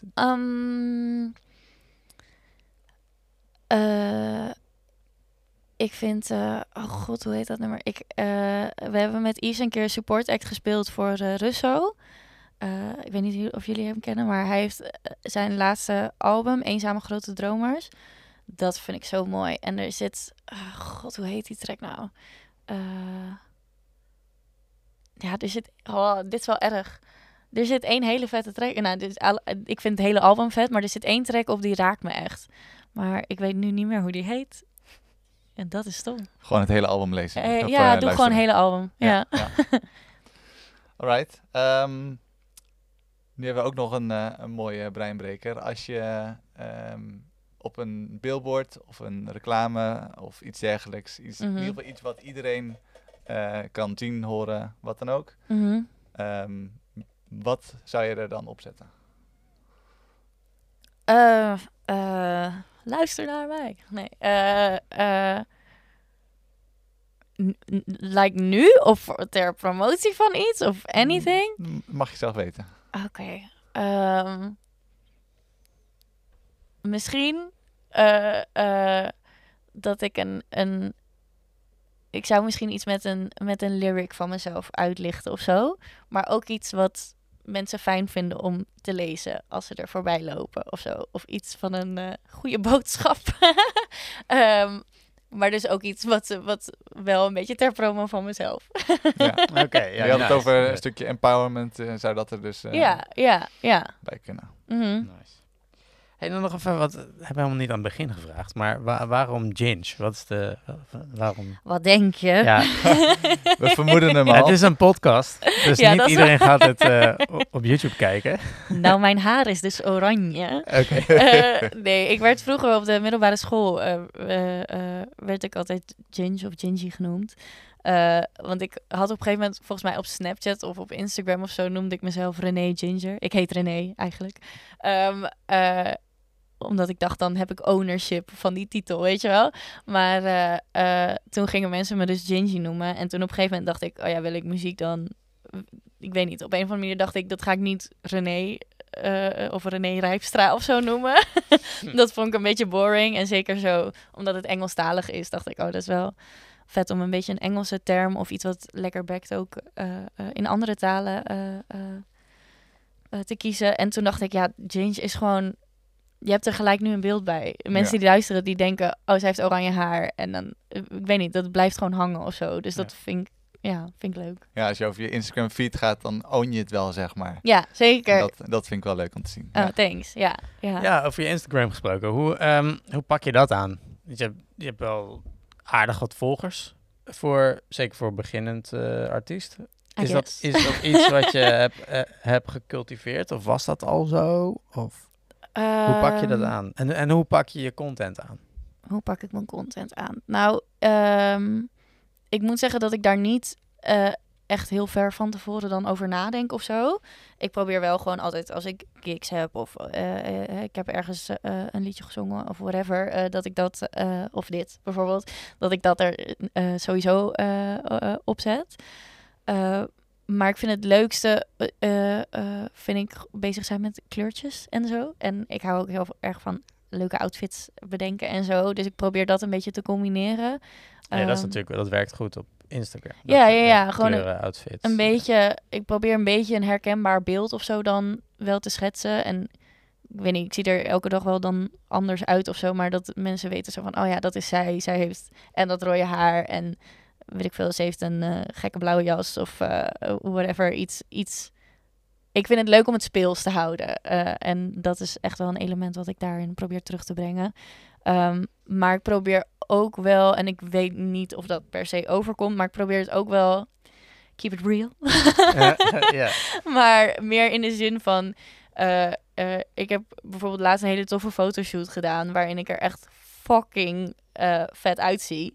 Maar eh, ik wil niet een feed waarin ik alleen maar vette fotoshoots heb staan of zo. Ik wil ook wel dat mensen een beetje, stel je voor, mensen kennen mij alleen van mijn muziek, dat ze ook een beetje de persoon daarachter zien en niet alleen eh, een perfect plaatje. Te- Terwijl ik zou ook geen foto's met onderkin online zetten. Dus is dat dan real? Ja, I don't know. Maar As real as it gets, ja. ja, Ja, nice. Oké, en, en, en, en dat, die volgers, hoe heb je dat? eh, Is dat eh, iets van vroeger nog, dat je heel veel met, dat jullie met elkaar altijd heel, of, is dat echt laatste tijd gegroeid? nou, wel de laatste jaren wel. eh,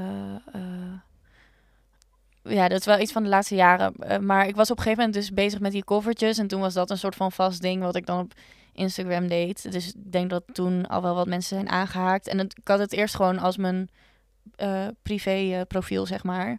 Ik dacht, ik ga niet een apart account aanmaken, want nu heb ik, nu heb ik ze allemaal al. Ja. Eh, dus in die zin heb ik daar wel voor gekozen, of was dat een keuze, zeg maar, I guess. En ehm, ja, op, ja. En waarom doe je Ja. die, die covers nu niet meer? Ehm, nou ja, sowieso was dat iets dus altijd wat, wat we in een duootje deden dan met die vooropleiding. En op een gegeven moment zijn wij daar gestopt. Eh, plus dat ik nu ook denk van, ik vind covers doen heel leuk, maar eh, het ik wil het toch wel echt meer om mijn eigen muziek laten draaien. En eh, dat ik toch wel meer nadenk over wat ik post, als in dat ik dan dat het, dat het de, hoe zeg je dat, de bar is higher. Dus dat ik dan toch, ik, ik doe wel eens in mijn story en zo covertjes, maar of dat ik iets meezing of whatever, maar dat post ik dan toch niet zo snel op de grid. Ja, ja. ja. Maar ehm, eh, als je speelt, speel je dan ook nog wel eens een covertje eh, tijdens je set? Of is het echt Ja, alleen we hebben maar... nu eentje die we vaak doen en dat is Kiss Me More van eh SZA en eh, Doja Cat.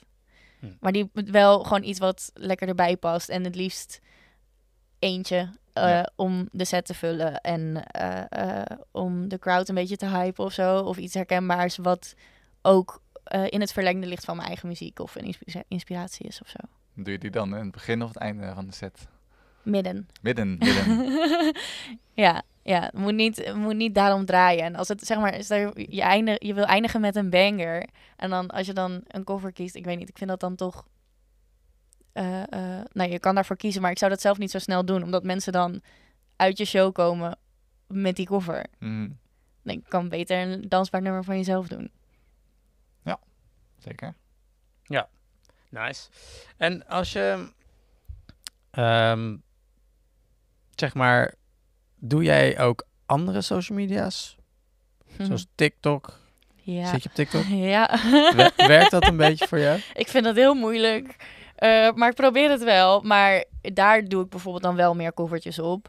Maar ik snap gewoon echt niet. Ik snap. Ik, ja, ik heb het idee dat het zo gaat om eh, eh, viral gaan en de, het viewsgetal meer dan dat mensen echt aanhaken op wat je doet of zo. Of dat dat minder snel gebeurt of zo. Hm. Ehm, Hoezo heb je dat?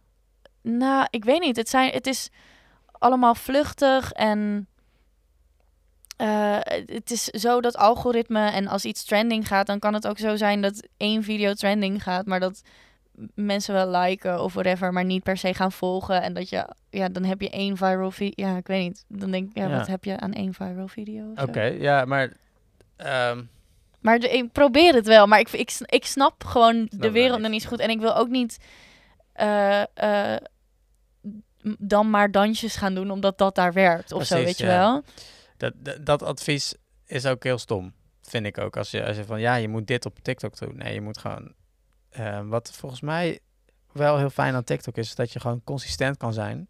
Mhm. En op een gegeven moment wordt het gewoon een hit of niet. Of je, of, Mhm. en, of je bouwt gewoon heel langzaam, net zoals Instagram, Ja. mensen op die, eh, die heel leuk zijn. Maar inderdaad, dat je, ik, snap, ik snap hoe je dat kan denken, omdat het gaat echt enorm, zeg maar, het kan enorm hard gaan ineens. Mhm. En dan zit je, en dat is ook een beetje de, de valkuil ervan. Van Dat je ehm, dan, oké, dit werkt, oké, dan ga ik dit vaker doen. En dan vind je Mhm. dat helemaal niet meer leuk, maar je doet het dan wel omdat, omdat de views dan binnenkomen of zo. Maar dan wordt je Ja. langzaam je content ook kut en dan gaat dat ook niet meer werken, zeg Ja. maar. Dus dat, dat is wel echt een val, valkuil. Maar ja, ik denk dat dat eh, wel iets is nog wat, ehm, waar veel in te halen valt. Sowieso, maar ik vind het, ja, ik weet niet, met TikTok heb ik ook altijd het idee, is- ik probeer dan nu bijvoorbeeld eh, eh, iets wat ik op mijn story zet of wat ik op Instagram zet, gewoon ook daar te plaatsen en soms wat extra's of zoiets, maar het kost gewoon ook meer tijd om goede video's te maken van kwaliteit en met edits en zo en weet ik veel, die transitions en zo die ze allemaal doen, Daro. Eh, maar er zit een hele toffe editor in. Ja, ja, zeker. Maar het, het moet je allemaal wel vinden. En, en Ja. Bijvoorbeeld, ik probeer dan met... eh, ik doe wel eens video's van dat ik dus een liedje thuis aan het schrijven ben. En dan wil ik wel al die tekst erbij. En dan merk ik toch dat ik snel een half uur bezig ben met een, met een tekst uitschrijven. En op de juiste tijd eh, dat die naar voren komt of zo. Dan denk ik, wat ben ik nou aan het doen of zo? Terwijl, het werkt wel. En eh, weet je, TikTok is, is zoveel in gebruik om een reden, obviously. Maar ik heb gewoon nog niet helemaal de groove te pakken. Ja. ja, dat is ook wel lastig. Het is een... Maar hoe bepaal je ook of jouw doelgroep daar zit? Dat, dat vind ik altijd nog wel lastig. Ja. Nou ja, er is wel echt een hele, een, een soort van songwriters site op TikTok. Want dat zijn dan ook de mensen die ik volg. En dat vind ik de leuke eh, eh, eh, kant daar, zeg maar. Ehm, maar hoe, ja, het is toch wel een beetje een spel van hashtags en, en in dat algoritme zien te komen of zo. B- bij Instagram of bij TikTok? TikTok. TikTok, sorry. Ja, ik zat Mhm. even niet op te letten. Nee, grapje. Nee, ja, ik, ik- volgens mij eh, is het... ehm, ik denk dat het gewoon heel eerlijk is. Het is gewoon... Het, is je, je wordt, het, het wordt voorgeschoten aan iemand. Ze kijken hoe het, hoe het gaat, hoe, dat- Mhm. hoe mensen erop reageren. En dan daar, op basis daarvan schoten ze het daar meer mensen voor. Ja. En dat is niet hoe Instagram werkt, zeg maar. Instagram werkt veel meer op, je hebt al een bepaald soort basis Mhm. en je moet nu gaan betalen. En, de, de, en de- dat heeft- bij TikTok is daar nog niet. Nee, nee, je komt minder snel in aanraking met nieuwe dingen. Dat is natuurlijk op je feed. Op je, vi- ja, je, je krijgt alleen maar Van Insta dan. van Insta. eh, En, en het is ook op, ik heb zo een beetje het gevoel als je een beetje naar het algoritme, dit is, that is, that's it. Ze kijken naar sp- afspeeltijd en, en, en, en engagement, that's Ja. it. En bij Instagram is het echt alsof je een soort fucking programmeertaal. En zo van helemaal into de, weet je, als je echt, echt into de, de algoritme wil zitten en het Mhm. wil chasen, dan dat is veel moeilijker, zeg maar, Ja. bij Instagram. Maar ja, er zijn, eh, zijn, het is niet ideaal. Je wil graag dat je content gewoon gaat exploderen. Maar er zit natuurlijk ook een beetje aan van, vinden mensen het ook echt leuk? weet Ja. je? Ja. Nou ja, en wat, zeg maar, als ik dan een cover doe die explodeert, dan denk ik, ja, maar we, nu weten mensen niks van, van wat ik maak, zeg maar. Precies. Maar je zou dus kunnen zeggen van, nou, dan gaan die mensen je volgen. Dan kun je, kun je Ja. tussendoor eigen dingen posten. Die zullen Ja. waarschijnlijk niet zo viraal gaan als een nummer wat iedereen al kent. Ja. Maar dat is logisch natuurlijk. ja, is ook zo. Ja, ik weet niet, ik vind Instagram gewoon persoonlijker of zo. ja. Of ja, dat is het ook. Ja. gewoon iets meer, eh, ik maak echt de keuze om jou te volgen. eh, eh, om verschillende content. Je hebt filmpjes en foto's. En nou, foto's kan ook wel op TikTok volgens mij. Maar je moet er wel altijd iets wat duurt van maken. Ja, Ja. ja. dat is wel altijd een filmpje inderdaad. Dat, anders scrollen mensen wel heel snel Ja, door. ja. Ja. Ik denk dat eh, we... Oh, Nou heb ja, er is nog nog, ik heb nog wel een vraag. Want je staat hier inderdaad dat je ongeveer een, een miljoen in totaal hebt op je catalogus. Streams. Streams, Of, ja, ja. ja. Eh, meer zelfs al. Meer zelfs. oh, echt vet. super sick. Ja. Hoe eh, doe je dat? Nou, dat is ook wel, zeg maar, die, die hit met die DJ's, dat helpt natuurlijk ook Ah, wel, ja, hè? maar, ja. eh, want die hadden al een groot publiek. Maar eh, met, eh, ik heb ook met mijn eigen EP, ze- die zit al over, daar overheen, volgens mij nu. Ja. Echt, Eh, echt en dat is echt ziek. En ik zeg maar, kan me dat nog steeds niet zeg maar, echt eh, concreet maken voor mezelf of zo, Mhm. of voor me zien. Maar eh, ehm, het zit toch wel echt in die playlisting van Spotify. Eh, eh, dus ik heb een paar eh, tracks van, van, van Belly eerst als single gereleased. En die zijn dan vooral in die playlist terechtgekomen. En die bleven daar ook echt een tijd in. Die staan er nog steeds in, in zo zo'n ca- café, chill out, poolside grooves, Mhm. movement. en daar, ja, die blijven gewoon de hele tijd aantikken. En daar klikken mensen dus ook wel echt op door eh, om meer te horen. Ja, want merk je dat je ook dan meer volgers krijgt? Ja, ja, Want ik heb altijd wel een beetje het beeld dat eh, playlists zijn eh, natuurlijk tof. Mensen horen je Mhm. muziek, maar die zetten het op en kijken er niet naar om, zeg maar. ja. Zo'n café chill out, dat is niet per se een lijst, denk ik, waarin mensen echt nieuwe muziek ontdekken of zo. Maar iets zoals movement, eerst heette dat volgens mij eh, slow movement.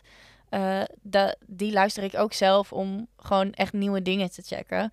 Eh, maar goed, ja, niet, het, het gros van de playlist-luisteraars klikt natuurlijk niet door. Die Mhm. luisteren naar de playlist. Maar je Ja. merkt wel dat het, dat het verschil heeft. Ja, ja, zeker. Verschil zeker. uitmaakt. Ja. Ja. Cool. Vet. Nou, ehm, heb je nog eh, een bepaalde literatuur of andere podcast of iets dergelijks wat je graag wilt doorgeven aan onze luisteraars? Eh, of literatuur ook echt. Ik heb laatst een mooi boek gelezen. Eh, dat heette Hardland van Benedict Wells. En dat was een mooi boek. Dus als je op zoek bent naar een mooi boek, ga Ja. die lezen. Ja, dat kan ook, ja. En, Nee. eh, en luister naar, naar, naar die movement playlist. Want daar zit, zit ook echt heel veel vette, eh soulful Nederlandse acts in. Vet. Ja. Oké. Ja. Nou, Nice, nice. dat vind ik het een mooie om eh, op af te sluiten, toch? Of Heb jij Absoluut. nog wat? Mhm. Nee, nee, dat... eh, Ja, en nou ja, dat- kom 18 maart Absoluut. Kijk, check, check. Nou, Wat eh, nog wel een, eh, een, vra- een mooie vraag is. Zijn er, is er nog iets wat je wil eh, benoemen wat wij nog niet eh, aan je hebben gevraagd? Dat je denkt, eh, dat moeten mensen echt weten? N- Nou, in, in maart komt er ook iets nieuws uit. Dus stay put en eh change op Instagram. Ja, wat was de Die underscore, Ginge? ja, heel veel, heel veel lage streepjes. Maar ik denk dat als je Ginge zoekt, kom je er wel terecht. Nice. Alright. Nou. Bedankt dat je bent, eh, dat je hier was. bedankt. En Ja, ehm. Ja, was super tof. we gaan je zien op 18 maart. Ja, Zeker. leuk.